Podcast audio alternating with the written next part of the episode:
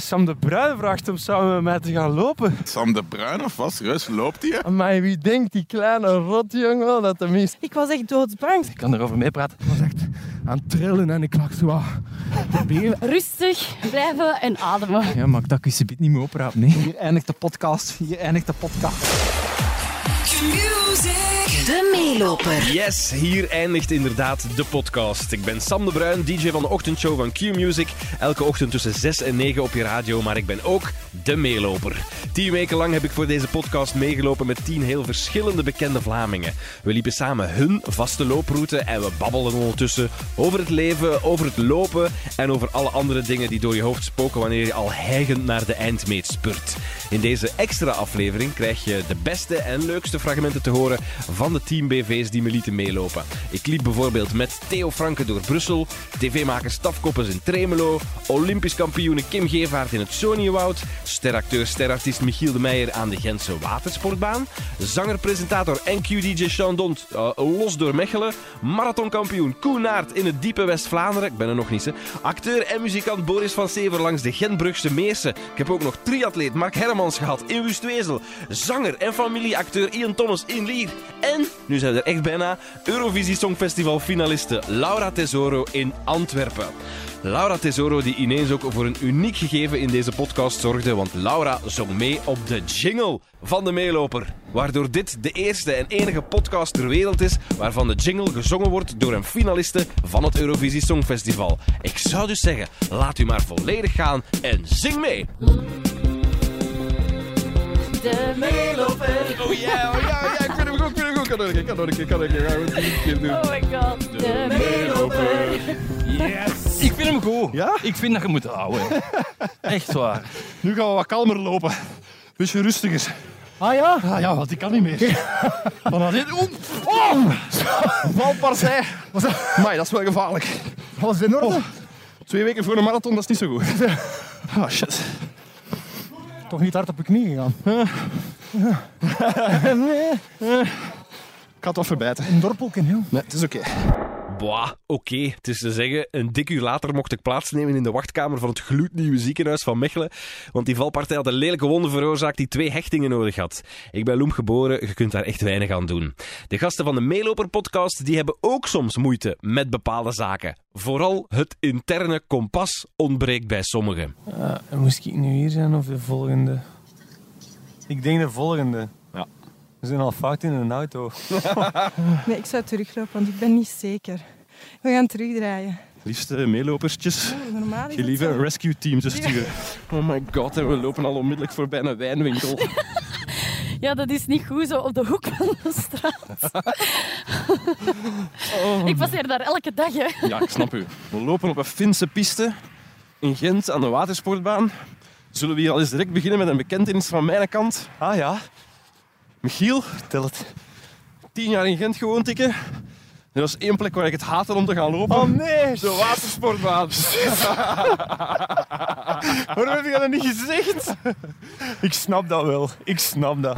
Ondanks de gebreken van de tien zeer verschillende gasten van deze podcast was er toch vooral één groot raakvlak dat we allemaal deelden. De sport, het lopen. En is het dan nadenken dat je doet tijdens lopen? Ja, of tekst. Tekst Wat, repeteren. Tekst repeteren. Maar ja, zonder dat je je papieren bij hebt en zo. Maar het herhalen. hoofd. Ah ja, oké. Herhalen. Klein detail dat we altijd vergeten bij acteurs. Die repeteren hun tekst effectief. Ja, Ja. dat is juist. Ja. maar het is grappig. ehm, Soms zie je zo mensen hetzelfde doen. Aan een bushalte of zo. Ja. En dan... En dan denkt jij dat zijn acteurs. Ja, mijn, mijn, mijn reflex is dan om te denken... Ah, dat is zeker een acteur die aan het oefenen is voor zijn, zijn première vanavond. Ik denk dat dat zo... ey, dat heel, heel veel mensen denken soms van... Ja, maar ja, ik doe niks liever. Ja, natuurlijk doe ik niks liever, maar... Ik denk dat mensen ook moeten weten dat, dat ook topatleten... Dat wij ook momenten hebben dat we zeggen van... Moet ik nu echt vertrekken? Of... Goh, het is zo donker en ik heb zo'n drukke dag gehad. Moet je echt een training van Ja. 32 kilometer Ja. doen. Zoiets. Dus dat is bij ons ook. En ik denk dat dat, dat, dat de normaalste zaak is van de wereld, dat je dat een keer hebt natuurlijk. Dus, eh, maar het is hoe dat je ermee omgaat. Zeg je dan van ja, mensen die werken gaan natuurlijk eerder een keer zeggen van ik ga een training skippen. Dat is een keer niet erg. Allee, ik vind dat toch. Maar ik denk dat je dan eh, ja, de, min- de man van dingen wat meer meeneemt, minder gemakkelijk verwerkt. Dat je slaappatroon ook slechter is. Waardoor dat je gemakkelijker uitgeput bent, ook mentaal. Het gevecht met mezelf vind ik, heb ik altijd leuk gevonden. Dus, en dat blijft nu. Hè. En het gevecht zo van s'avonds dat je nu thuis komt. Soms, je hebt lezingen heel de dag en je hebt dan die kinderen nog. En je moet dan aan een revalidatie beginnen. Je bent stiek kapot. En dan toch zeg het om 11 uur tegen jezelf. En toch ga ik hier nog drie uur mijn ding doen. Ja, dat zien de mensen allemaal niet. Hè. De meesten dat dan thuiskomen van een feestje of zo. Soms dat dat twee uur is en ik heb in een dag niet kunnen doen. Dan sta ik om twee uur tot half vier nog te kloten thuis. Dat is echt zot. Ja, terwijl dat de mensen Ah, allemaal in hun bed kruipen. Dus dat is, Maar je moet je eigenlijk toch soms ook een keer wat rust gunnen. ja, dat is dan na die revalidatie. Ik heb me eigenlijk echt beloofd sinds die kleine mannen dat, dat, ja, dat ik dat elke dag doe. En ongeacht wat dat nu om vier uur s morgens gebeurt. Maar dus, ai, je doet dat dan eigenlijk echt meer voor je kinderen dan voor u, als ik dat goed ja, van mezelf ook. Omdat ja, ik vind het leven echt super mooi.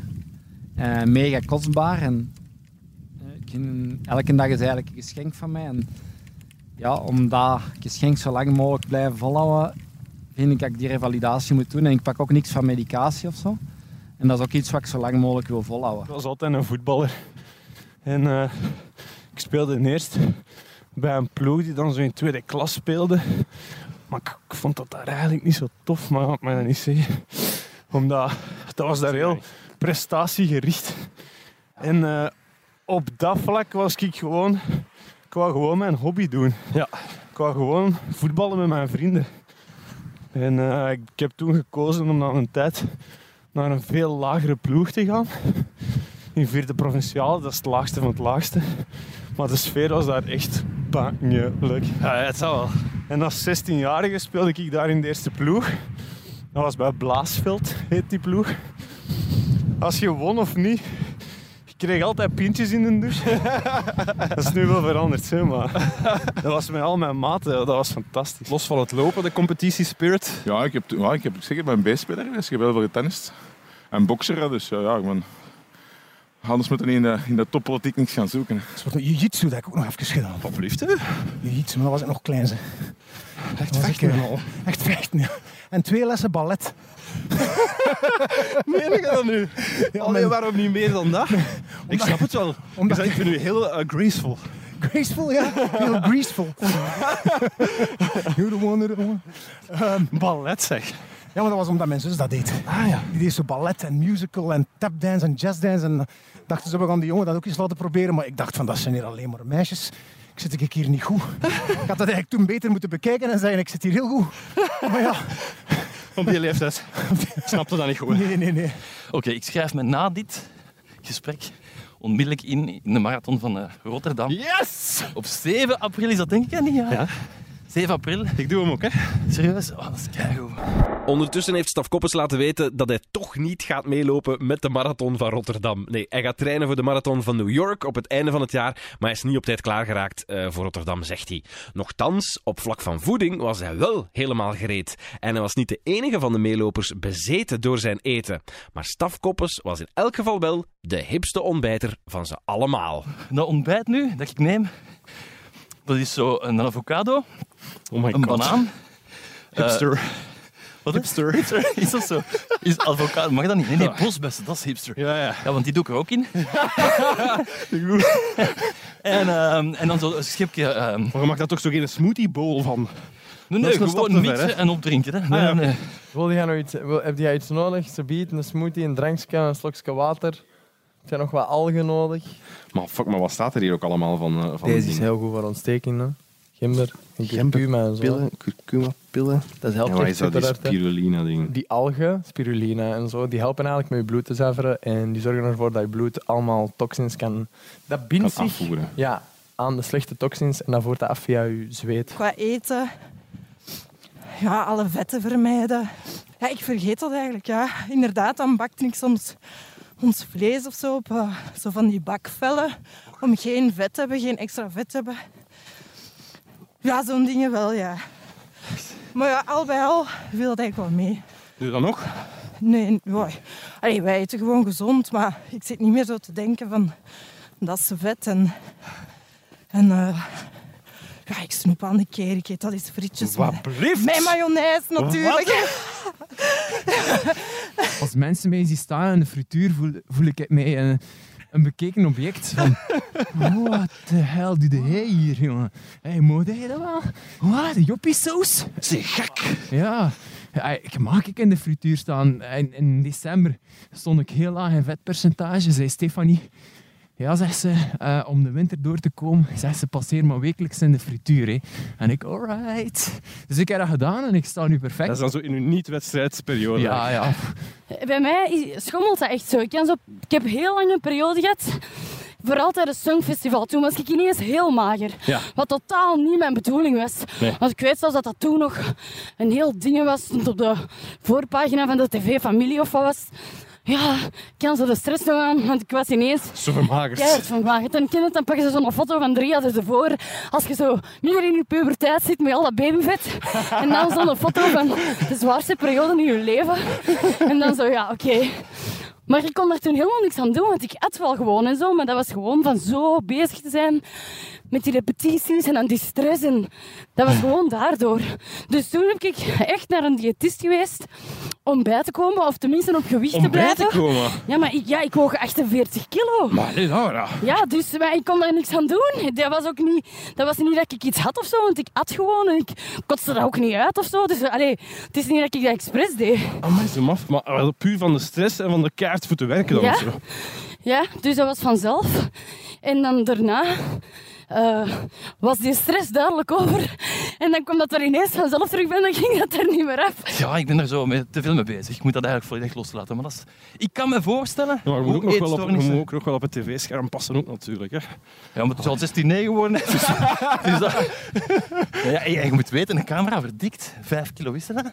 Ja, dat is zeker. Nee, nee, en dan moet je weten, eh, het lichaam aan kop is, dat is multicam. Hè. Dus stel het dan een keer uit. Nee, nee, nee, dat is... eh, Maar ging jij nu net zeggen dat je, dat je wel begrijpt wat eetstoornissen Ja, vandaan absoluut. Daardoor ook? ik, ik kan me voorstellen dat zo'n fixatie... Ja. Bijvoorbeeld als ik me nu zie opreiken dat je denkt dat het opgenomen is in die periode, Ja.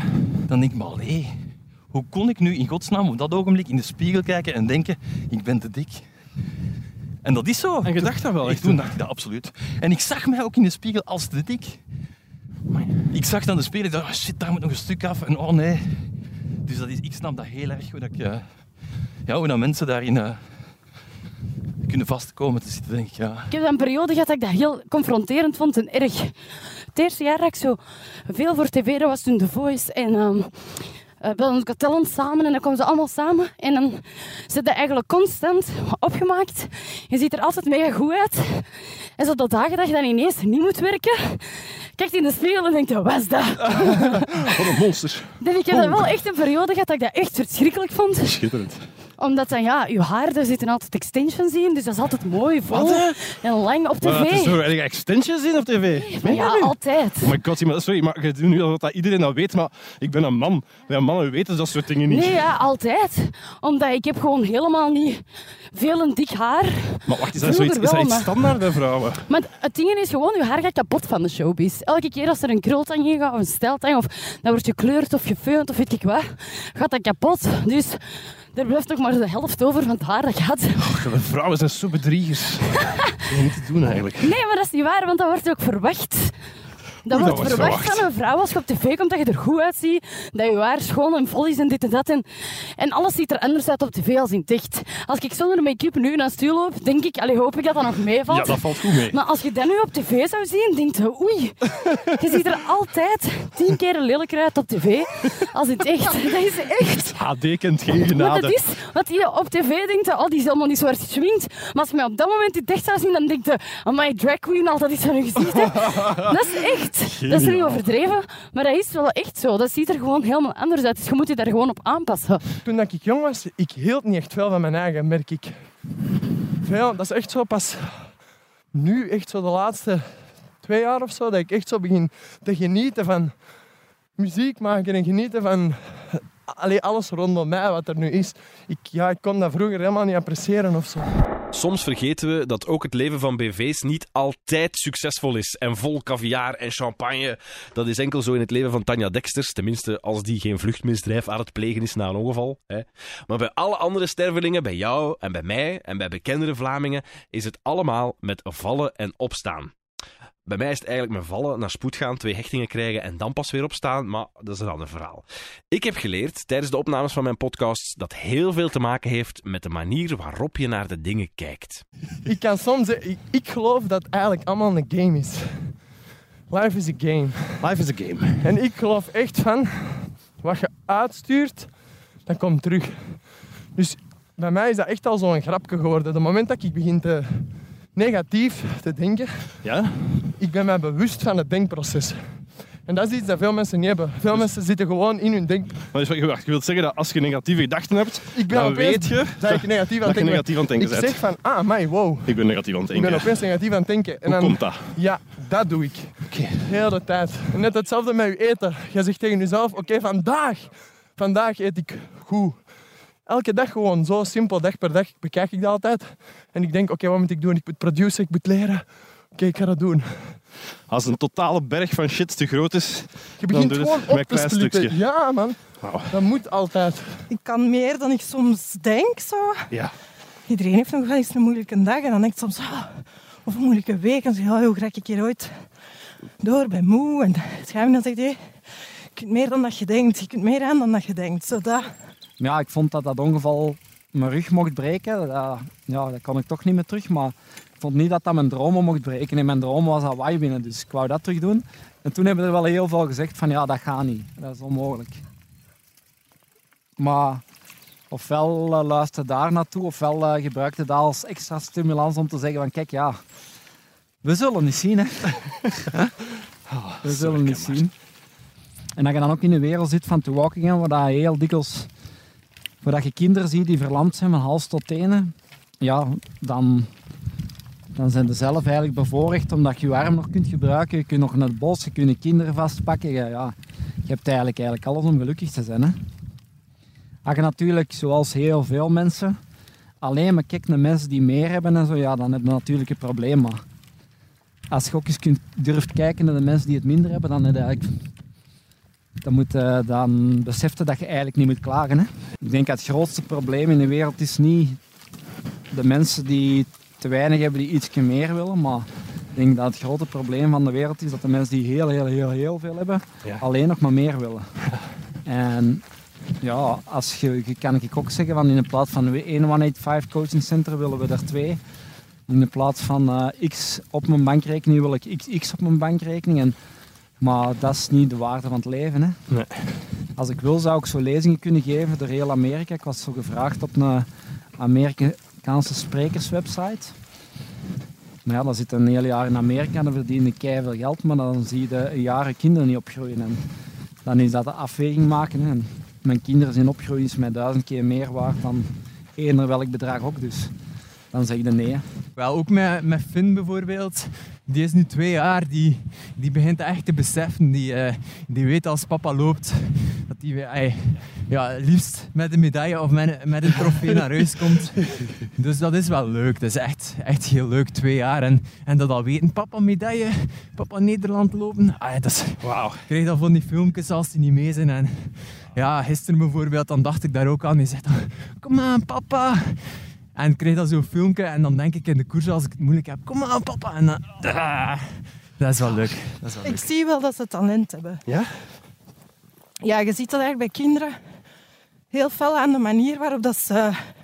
Allee, hoeveel sprongkracht en zo dat ze hebben. Sprongkracht. Allee, hoeveel... Wacht, Ja, ze noemen dat vinnige voetjes. Zo. ik ben nu zeer vinnig aan het lopen. Je hebt, ja, Ja. Ik heb echt plomp je hebt kinderen die echt bom, bom, bom. Ja. En je hebt kinderen die zo heel licht op de grond zijn. Ja, ja. Dat bedoel ik. En dat hebben ze heel vuil eigenlijk. Mijn jongste die is super gebiologeerd door muziek, door instrumenten, door... kan ook heel mooi zingen. Ze kunnen al twee eigenlijk mooi zingen. En dan kan ik daar echt van genieten als die, als die zo Hun aan het zingen zijn. Als die aan het zingen zijn en van als dat je zegt, hé, hey, zing nog eens, dan gaan die niet meer zingen. dat is echt waar. Dus je moet daar gewoon zo goed opletten, luisteren. En dan krijg je het schoonste wat dat er is. Als een Maar als je gaat beginnen benoemen wat dat ze aan het doen zijn, gaan ze stoppen. Ik heb wel achteraf beseft dat de dingen die we gedaan hebben, dat er daar een paar van waren die er way over de top waren. Zo bijvoorbeeld die, vu- die vuilbak waar ik mee gevlogen heb. Ik was eh, daarmee vertrokken en dat was echt niet zonder gevaar. Ik kon daar gewoon dood in gaan. Dus tien minuten dacht ik, yes, oké, leuk, fijn. We zijn tof een tv aan het maken. En toen hing ik daar, 100 meter hoog, aan tentjes. En toen, wat ben ik hier eigenlijk aan het doen? En overigens, hoe ga ik terug naar de grond? Allee, ik ga sowieso naar de grond, maar hoe? En toen heb ik zo echt wel een enorme schrik gepakt en beseft en besloten dat ik dat niet meer doe. Oké. Ik kan dat niet meer doen. Nee, want ik heb twee kinderen joh. en een vrouw ook. Hè. Maar die had je al, hè? Ja, ik weet het, maar, maar, maar toen besefte ik van, dat is allemaal wel leuk en tof, maar als ik hier morgen iets voor heb, is dat voor hun een drama. Ik vind dat sowieso al heel ver gaat, vlak van bedreigingen. Ik weet wel dat ik eh, soms scherp, scherp ben en wel kort door de maatschappelijke doch- bocht ga. Maar eh, toch echt verdorie oppassen, er lopen echt zotter, zotter rond hoor. Is dat echt iets dat je, dat je vreest soms? Ja. Dat het maar, ja?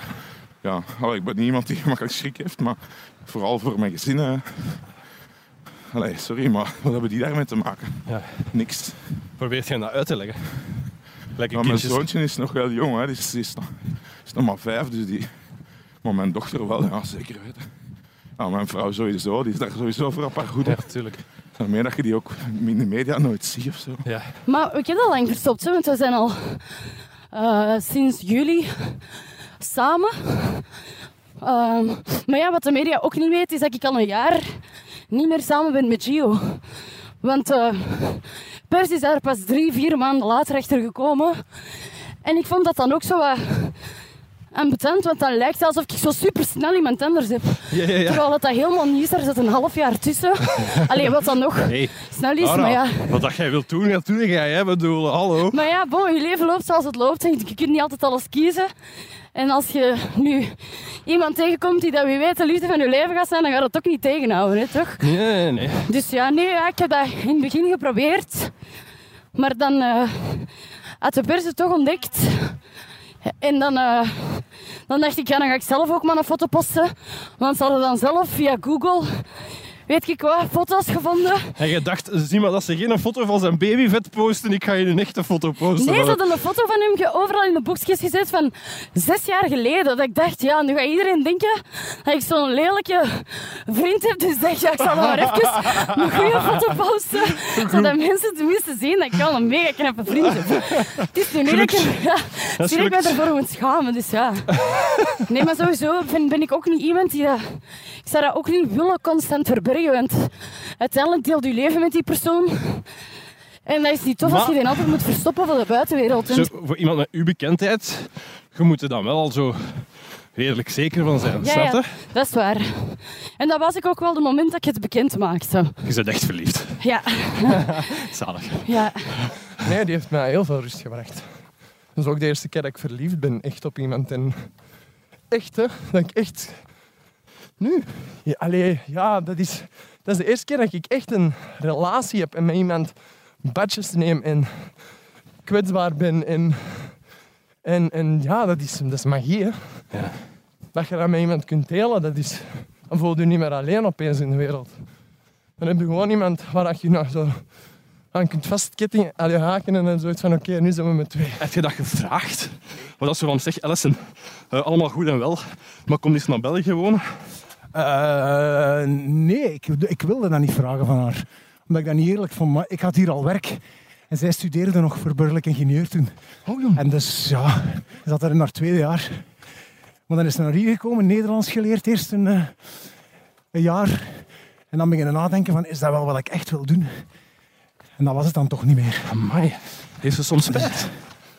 Eh, Van de locatie bedoel ik, hè? van de locatie. Ehm, soms stikt dat daar tegen. En, en, en op andere vlakken, als ik nu soms hier droom over naar Californië verhuizen, dan is het eerst om te zeggen van ja, nee, ik heb hier geen Nederlands geleerd en hier werk en dit en dat gevonden om nu... eh, nu heeft ze ook haar vrienden en haar... eh, nu voelt ze zich hier wel helemaal thuis. Dat is wel tof. Ik denk dat je veel meer loskrijgt, of dat er veel meer dingen verteld worden op via lopende podcast, dan dat je zo, ja, een interview heeft eh, voor, voor elkaar. Maar als ik met andere mensen ga lopen, dan is dat... Ons dat hier voorstellen? Hier je- is een dokter, hè. Hier zit dokter Mark van Ranst. Ik ga daar nooit naartoe, want ik denk dat die man gaat mij gaan vergiftigen. Is dat de viroloog? Ja, Mark van ons? mijn goede vriend. Die heeft hier eh, Die zijn, geeft eh, de griepspuiten. Maar niemand van ons durft daar ooit naartoe gaan, want wij denken dat hij dat je dan- de griep gaat krijgen, dat, dat hij hij dat gaat is. vergiftigen. Ja, iets anders ook, denk ik. Denk ik. Plutonium of zo. Mag ik onbeleefde vragen stellen? Ja, Heb jij iets verdiend aan het lopen? is dat onbeleefd? Ja, ik vind dat wel. Ja, want we weten allemaal dat zo vrouwen tennisters, ja, die scheppen geld. Ja, ja. Mannelijke voetballers, die scheppen ook geld. Maar we weten allemaal dat dat in andere sporten wel heel anders kan zijn. Ja. Hoe zat dat? Ja, absoluut. Ehm, ja, ik, ik denk dat ik echt geluk heb gehad. Eh, ja, in mijn tijd was er, eh, waren er Kim en Justine. Ja. Die verdienden veel. En dan waren er Tia en ik. Ja, ik denk dat de bedrijven... Dat was toen ook heel in om zo'n sportgezicht aan uw bedrijf te koppelen. Justine en Kim konden ze meestal niet betalen. En dan kwamen ze bij ons uit. En we zeiden, oh ja. En zo, oeh. Ah ja, en dat Schitterend. moeten doen. Oké, tof. Dus ik denk dat ik, ik heb niet echt heel veel van wedstrijden alleen verdiend, maar wel Sponsorcontracten. sponsorcontracten en zo, ja. Ondertussen dachten Kim Kleisters en Justine en hij van godverdomme die Kim Gevaert is hier met ons sponsors gaan lopen omdat ze onder de prijs Voor hun gaat. was dat zakgeld, denk ik, omdat ze onder de prijs gaat. Ja. Ik heb zo ooit eens gefaked op mijn cv dat ik perfect Duits kon praten. Wat? En ik dacht, goh, wie gaat er mij ooit casten voor een Duitse productie? Nee. En toen kreeg ik telefoon. Van Sturm der Liebe. nee. En eh, ja, op uw cv staat dat je perfect Duits kunt. We zijn aan het casten voor eh, een Duitse film. Eh, het is een co-productie, dus ze willen ook Vlaamse acteurs. Kunnen niet afkomen in het bijlage in hun scenario's. En ik, ja, dat is goed, ik kom. Maar ik heb nog nooit zo hard in mijn broek gedaan als toen. Die scènes perfect fonetisch. Je hebt dat Van gedaan ook geleerd. Yep. Maar jij... En, En eh, had je de rol? Ik had de rol eh, Michiel. Dus ik heb toen in Brussel ja, opnamedagen gehad. Allemaal in thuis met een Duitse ploeg, Duitse crew. Toen ben ik het meest zenuwachtige in mijn leven geweest. Gasten, als je aan het luisteren bent, doe dat niet. Hè. Niet liegen op je cv. Hè. Dat is toeval dat dat gelukt is nu. Ja, dat is waar, maar je komt er soms wel echt ver mee, denk ik. Zeg, dat is niet luid op, zeg. Kom aan. Roken.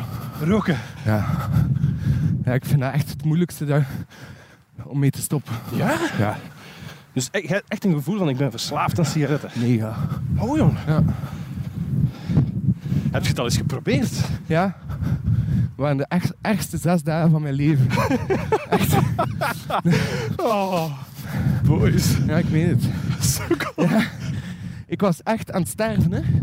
Ik was toen een plaat aan het oppakken met, met Jonas, Jonas Vermeulen, met wie dat ik theatervoorstellingen maak, die eh, helemaal op muziek zijn. Hè.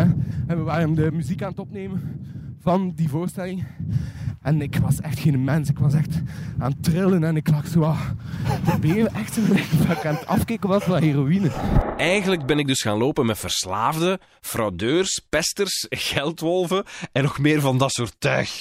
Het heeft gelukkig wel heel wat grappige verhalen opgeleverd, maar soms, soms werden onze gesprekken ook een pak serieuzer. Zoals bij Boris van Severen toen zijn overleden vader te sprake kwam. Of bij Theo Franke, waarmee ik ging lopen niet zo heel lang na zijn ontslag als staatssecretaris. Iets wat hij toen duidelijk nog niet verteerd had. Ja, dat was echt... eh, ik voelde me echt zo wat verweest en gedesoriënteerd. Heel uw vast ritme. Al die collega's moeten ontslagen waar we zoveel mee hebben meegemaakt. Ja, jij moet dat doen dan. Die asielcrisis. eh, jij, jij hebt- al mijn kabinetsleden. Ik had het jongste kabinet van België. Allemaal jonge mensen, harde werkers. Fantastisch creatievelingen. Zoveel meegemaakt samen, vier jaar en een half. Door zoveel stormen gegaan, schouder aan schouder. En dan die C4 moeten ondertekenen, dat is... Ja, dat is denk ik echt nog niet goed van. Ik herinner mij dan nog alsof dat gisteren was dat ik voor de eerste dag terug naar school ging. En eh eh, dat was vijf dagen nadat hij gestorven was of zo. Ik wou echt terug naar school gaan omdat ik zoiets had van... Back to life. Ja, back. Ja, terug naar mijn vrienden, terug naar 15 jaar. Zo. En ik ging naar school. En ik kom, ik denk dat dat de, het eerste of tweede lesuur was. Dat ik in de wiskundeles kom. En dat ik, eh, dat ik mij achter mijn, naast mijn vriend zet, van achter, zo, waar dat wij altijd zaten. En dat die vriend zo, Arno, dat hij een, een, een mop vertelde. Hè, en dat ik moest beginnen lachen. En dat die leerkracht van voor zei... Ah, Boris, is het anders niet zei dat je vader juist gestorven is? Alsjeblieft. Ja. Ja. Hij bent toen naar voren gestapt. Die mens bij zijn kraag gepakt. Hij een teen naar boord geduwd. Ik wou hem echt slaan. Maar ik heb dat niet gedaan. Ik ben aan de directeur geweest. En ja, mijn moeder erbij en heel de boel. En mijn moeder is nogal naar de tante ook. Dus die heeft er dan uiteindelijk voor gezorgd. Dat, dat incident heeft er dan uiteindelijk voor gezorgd dat die vastbenoemde wiskundeleraar op staande voet ontslagen is. Amai. Ja. Als ouder wilde niet dat je kinderen bij zo iemand terechtkomen, toch? Natuurlijk niet. Dat is gewoon. Allee. Dus ah, dat wil zeggen dat als er iemand dood is, dat je heel de tijd moet zitten wenen. Eigenlijk. Dat is toch niet de bedoeling? Sommige verhalen uit het verleden waren wel echt heftig bij de meeloper. Maar wij lopers, wij proberen ook altijd optimistisch te zijn en vooruit te kijken naar de finish en naar de toekomst, naar alle wilde plannen die we nog voor ons hebben liggen. Ik wil heel graag, als televisie er niet meer is bijvoorbeeld, wil ik een camping beginnen. Een camping? Ja. Zeg een kampeerder? Ja, ja, ja. Maar eh, dat zie ik mij dus later doen. Tof, jongen. Zo een slagboomke met een uh, receptieke op een leuk stukje natuur. Want het voordeel is, vrienden van ons hebben een, een camping in de, de. Ja. Ook een fantastische camping, camping Le Mezire heet die. Ook tegen niemand zeggen. Ehm, en die zegt ook van, uh, want ik zei tegen hem, ja, als je dat dan doet, zijn dan niet beu al die toeristen. Maar wat hij zegt, ja, maar je moet weten, de helft van het jaar is er niemand. En is heel dat domein mijn tuin. En dan denk ik, oh, maar hoe mooi moet dat dan heeft daar een meer. Hoe leuk zou dat zijn om dan daar gewoon in de rust en de stilte je winter door te hebben en dan het seizoen met beide handen aangrijpen. En dan, ja, dat, dat zie ik mezelf doen. Wat ik echt wil doen.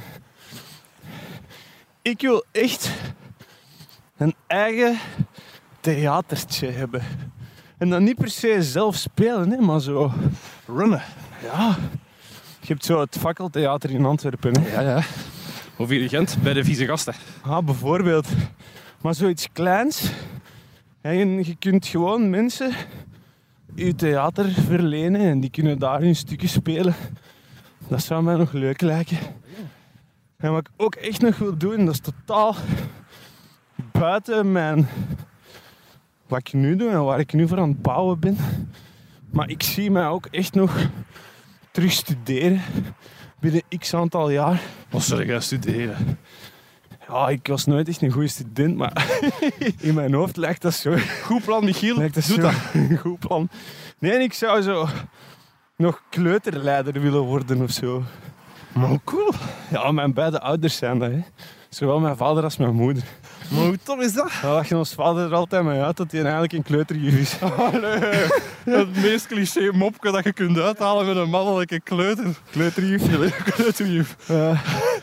Ik denk zo, leerkracht, dat dat ook nog wel eens voor mij is. En dan heb je toch een soort zekerheid in je leven. Ik zou nooit wereldberoemd willen zijn. Echt niet. Alleen niet dat die kans er is of zo, maar gewoon veel mensen gaan ervan uit dat je dat dan wel wilt. En heb ik echt niet. Ik zou echt niet zo leven willen als een Ariana Grande of een Justin Bieber. Dat bij elke scheet dat je laat, dat je moet verantwoorden tegenover heel de wereld. Ik zou het super tof vinden als ik ooit op een dag met mijn band in een tourbusje mag stappen en zo eens een keer mini-Europa doen. Zo, ken je? Zo Nederland, zo een keer naar Italië of zo. Of zo. Allee, zo eens de Turken doen. Dat is wijs. Maar ik denk nu, primeur in de meeloper, dat ik heel graag onder mijn eigen naam eens dingen zou beginnen uitbrengen. Oké. Dat is iets dat ik nooit heb gewild, omdat ik dat zo... Ik ben altijd gewoon geweest van als ik een jaar of elf was van in bandjes te spelen en om dan zo onder hun eigen naam dus van hey, Is dat ook zo de Vlaamse bescheidenheid van ik wil niet, ik wil niet onder mijn eigen naam dingen uitbrengen? Ja, denk dat dan is dat echt zo. eh, look at me. Ja. Maar langs de kant trekt dat me ook net aan dat dat zo spannend is om. om en om mezelf ook niet te verschuilen achter een band. Voilà, want dat is het eigenlijk. Dat, hè. Dat is Dat het. mensen dan bij hoeves willen zeggen van, ah, maar speelde jij daarbij? Dat is eigenlijk heel open zeggen van al de shit waarover mijn liedjes gaan, it's me. Voilà, Zo, een beetje. voilà. Hè?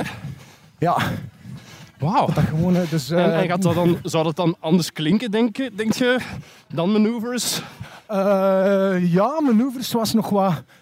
Er waren mijn invloeden, dat was ook wel al pop, maar, maar er zat ook wat, wat Arctic Monkeys tussen. Of ehm, ja, een beetje soul rocky, bluesy. Maar nu, nu zou ik echt wel, wel een pure pop willen maken. Wat wil je graag nog bereiken in je leven, Mark?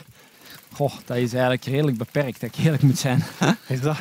Ja, ik heb echt eh, pff, ik heb zoveel dingen gezien in mijn leven, zoveel landen, zoveel dingen meegemaakt. eh, pff. ik wil eigenlijk ja, dat mijn job zo goed mogelijk proberen te doen. Dat, dat daarin ja, de mensen gelukkig zijn, de mensen die ik coach en mensen binnen te walk in. Maar vooral eh, dat ik eh, mijn kinderen kan opvoeden met dezelfde normen en waarden dan dat ik ben opgevoed, weet je wel. Zo, Probeer dezelfde dingen mee te geven en dezelfde steun te geven. Nu, eerlijk, sommige van mijn meeloperkindjes die kunnen zelf nog een klein beetje opvoeding gebruiken, denk ik. Eh, Mark Hermans, die je hier net hoorde, zal straks duidelijk maken waarom je best niet zomaar iedereen vertrouwt. En Laura Tesoro, die werd zelfs op haar vingers getikt door Bart de Wever. moest bij het nieuws zijn voor VTM30. En ineens wandelt Bert de Wever de kamer binnen. En die geeft een hand. Dus dat is dan een burgemeester, hè, want die is burgemeester van Antwerpen. En die geeft een hand en die zegt, zijn geen Laurette euro? En ik denk al, oh my god, die weet wie ik ben. Dus ik zeg zo, ja. En die zegt, ja, met al die onbetaalde boetes. En ik dacht, oh my god. En ik wist even echt niet wat zeggen. En ik had dat echt niet vaak, maar Omdat echt. hij in hoe zal ik het zeggen zat Oh my god. met de Jens Donker. Maar die lacht ook niet terwijl hij zoiets zegt. Dus hij bleef zo super serieus. En ik dacht echt, maar die gaat mij Antwerpen uitzetten. Ik voel het al. ik had echt even stress. Gewoon even langs rechts, jong, dan kan ik zien of wat hem blaait. Ik heb zo'n eh, een mini paardje gekocht voor het goede doel. Ja. Maar dat is eigenlijk een pony. Ze hebben me in het zak gezet. Allee, niet goed. Dat is niet goed. Oh, ja, grap. Want ik had dan uh, naast thuis zo van alles afgemaakt. Ze zeiden, ja, dat groeit toch niet meer. En dat was zo groot of zo. Ik zei, ja, tof. Maar ja, dat is nu al bijna een Brabants trekpaard, weet je wel? Voilà, bij deze veranderen we het gezegde een kat in een zak kopen naar een paard in een zak kopen. Ik wil mijn tien gasten van het eerste seizoen van de Meeloper podcast ontzettend hard bedanken voor hun openheid en hun vlotte medewerking. Maar ik wil vooral ook jullie bedanken. Omdat jullie echt met duizenden geluisterd hebben de voorbije weken en natuurlijk gelopen hebben, want dat is het belangrijkste.